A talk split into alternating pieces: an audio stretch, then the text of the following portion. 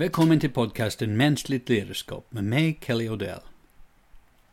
Den här gången tänker jag bjuda på en översikt över ämnet förändringsledning som jag använder väldigt ofta när jag utbildar inom förändringsledning.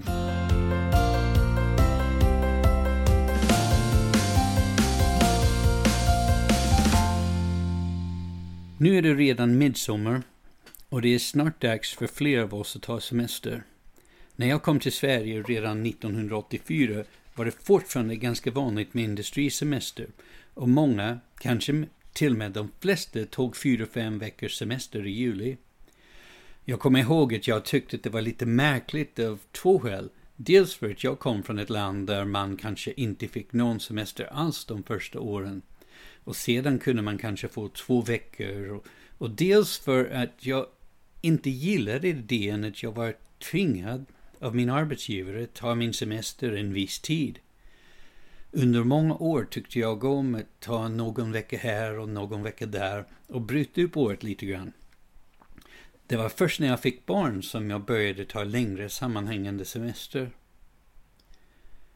I år kommer jag att använda en del av min semester åt att komma igång med mitt andra bok. Ja, nu har jag sagt det. Jag ska skriva en andra bok. Efter första boken tänkte jag aldrig mer. Efter allt arbete med att färdigställa boken på engelska var jag helt klart på att jag inte skulle skriva en bok till. Men nu är jag där igen. Sanningen är att jag har känt att jag skulle tycka att det var roligt att skriva en bok till, men jag saknade inspiration. Men efter mycket uppmuntran från människor som har läst min bok mitt förlag och mina arbetskamrater är jag redo att börja skriva igen. Den här boken kommer att handla om förändringsledning. Jag har hållit kurser i förändringsledning hos Astrakan Strategisk Utbildning AB i många år. Kursernas inriktning har alltid varit pragmatisk och strävat efter att hjälpa kursdeltagarna gå från teori till handling.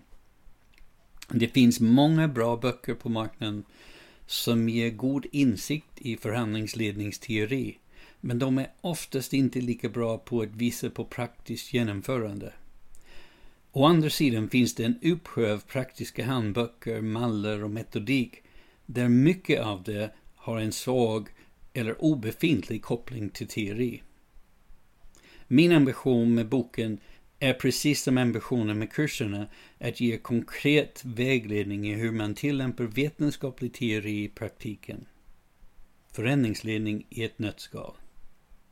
Ett exempel på detta är en lathund som jag har skapat för att få en liten snabb överblick av flera förändringsmodeller och hur de hänger ihop.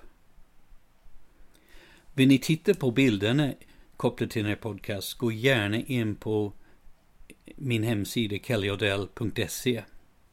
Denna lathund börjar med, ett, med en väl beprovad modell som beskriver framgångsfaktorer vid förändring.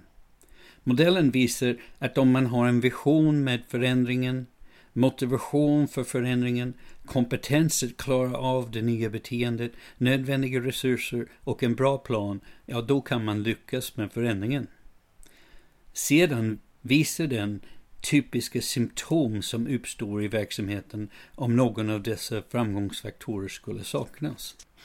Visionen med förändringen bygger på att man har en bild av framtiden som är bättre än nuläget. Man har med andra ord en vision av framtiden som kräver förändrade beteenden hos ett antal människor och som skapar ett betydligt förbättring av verksamheten. Jag brukar säga att förändringens vision ska beskriva på vilket sätt blir världen bättre när vi är färdiga med förändringen.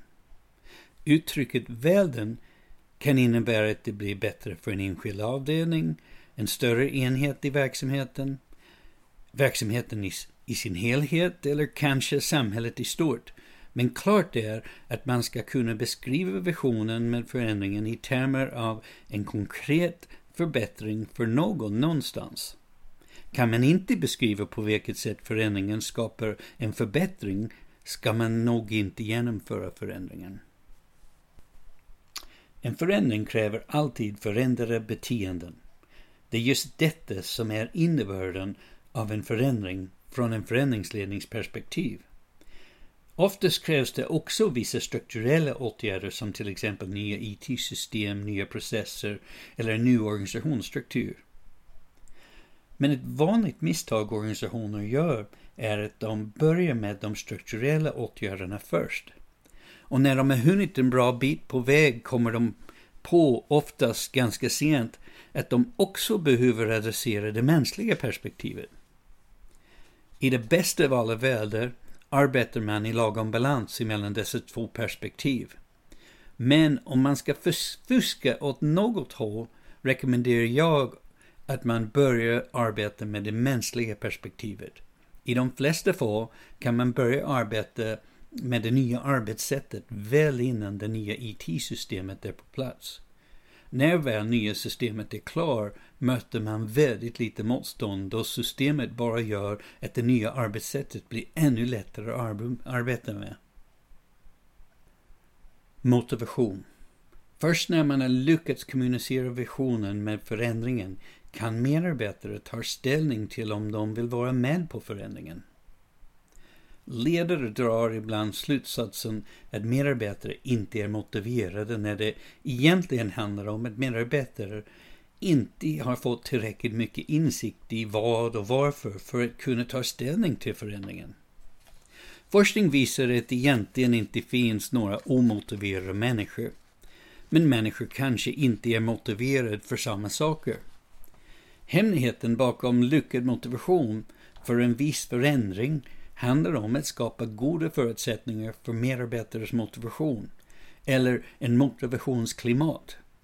Detta gör vi genom att hjälpa medarbetare att förstå syftet med förändringen, att de får stora möjligheter att påverka förändringen, det vill säga autonomi, att de har rätt kompetens för att klara av de nya beteenden som krävs för att lyckas med förändringen och att de känner stark tillhörighet till verksamheten.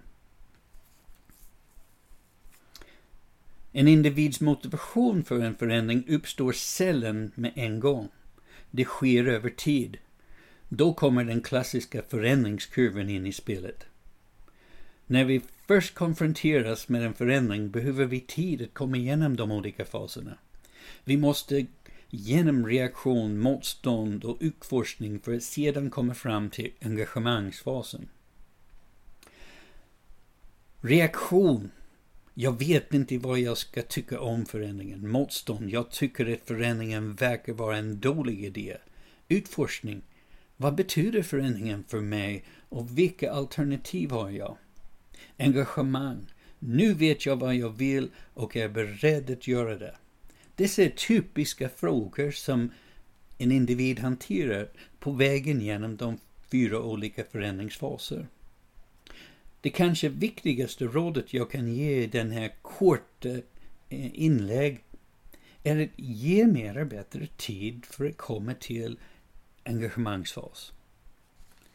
I vår iver att komma igång går vi många gånger för fort fram. Tar man det lite lugnare i början vinner man massor med tid längre fram.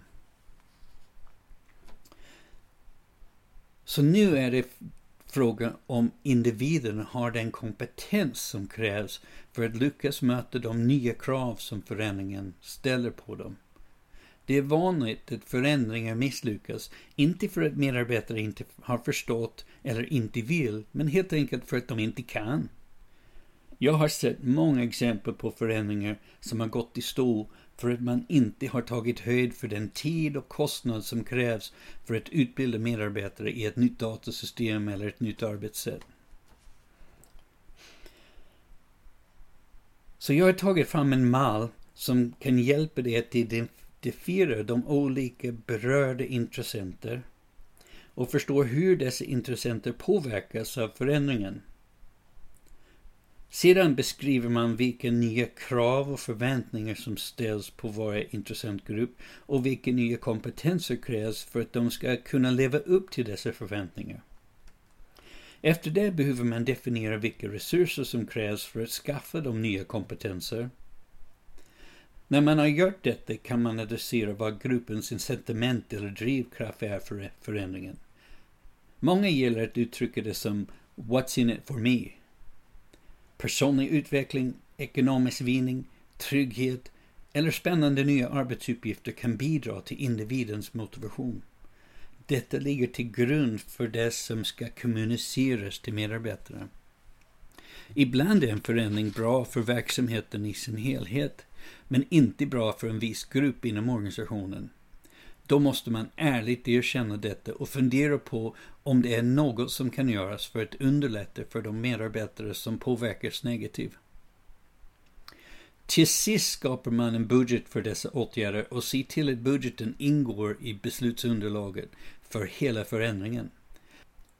När beslutsfattarna säger ja till X-peng för till exempel ett nytt IT-system har de samtidigt sagt ja till Y-peng för att täcka utbildning, kommunikation och annat för att skapa de nya beteenden som IT-systemet togs fram för att stödja från början.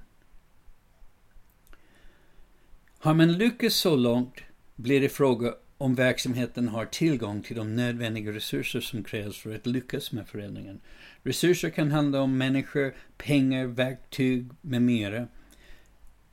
En vanlig anledning att verksamheter hamnar i resursbrist när det gäller förändring är att de helt enkelt driver för många förändringsinitiativ samtidigt. Förändring i verksamheten handlar om att förändra beteende hos individer i verksamheten och att förändra beteende är krävande för oss människor. Det finns en gräns till hur många förändringar vi kan hålla på med samtidigt.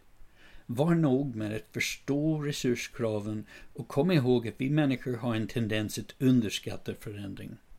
De allra flesta förändringar tar mer tid och pengar än vad vi trodde de skulle göra. Nu är man redo att skapa och implementera sin plan. Förändring kan vara svår att planera eftersom människors reaktioner till förändringar kan vara svåra att förutse. Det enda man vet säkert med en plan för förändring är att den är fel. Men det är ingen ursäkt att inte planera. Det enda som är mer fel än planen är att inte planera. Om planen håller bara till 80% betyder det 20% blir oförutsedda händelser. Har man inte planerat sin förändring blir allt oförutsett.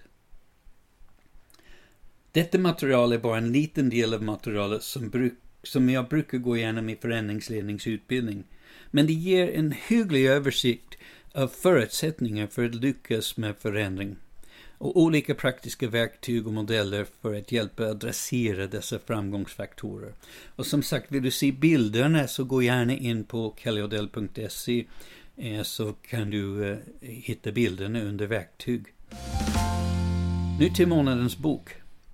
Eh, eftersom det är snart semestertid gick jag ut med en förfrågan på mitt LinkedIn-nätverk och bad om tips för böcker om ledarskap, management, motivation med mera. Jag fick en hel del riktigt bra tips som som eh, jag har listat på hemsidan. Det var så många att det blev, det blir onödigt att läsa upp dem för er här. Men gå gärna in och titta. Det var en spridning av böcker från hur man jobbar med kulturförändringar till hur man, hur man lyckas bättre med sitt cell. Jätteintressanta böcker, så ta gärna en titt på kellyodell.se. Nu är det bara att säga, eh, ha en trevlig sommar. Hoppas att ni får eh, lika trevligt som jag hoppas jag får. Eh, kommer nog inte ut med eh, nyhetsbrev eh, tills augusti igen. Eh, så eh, hoppas ni har det bra och eh, vi hörs igen nästa gång. Tack så mycket.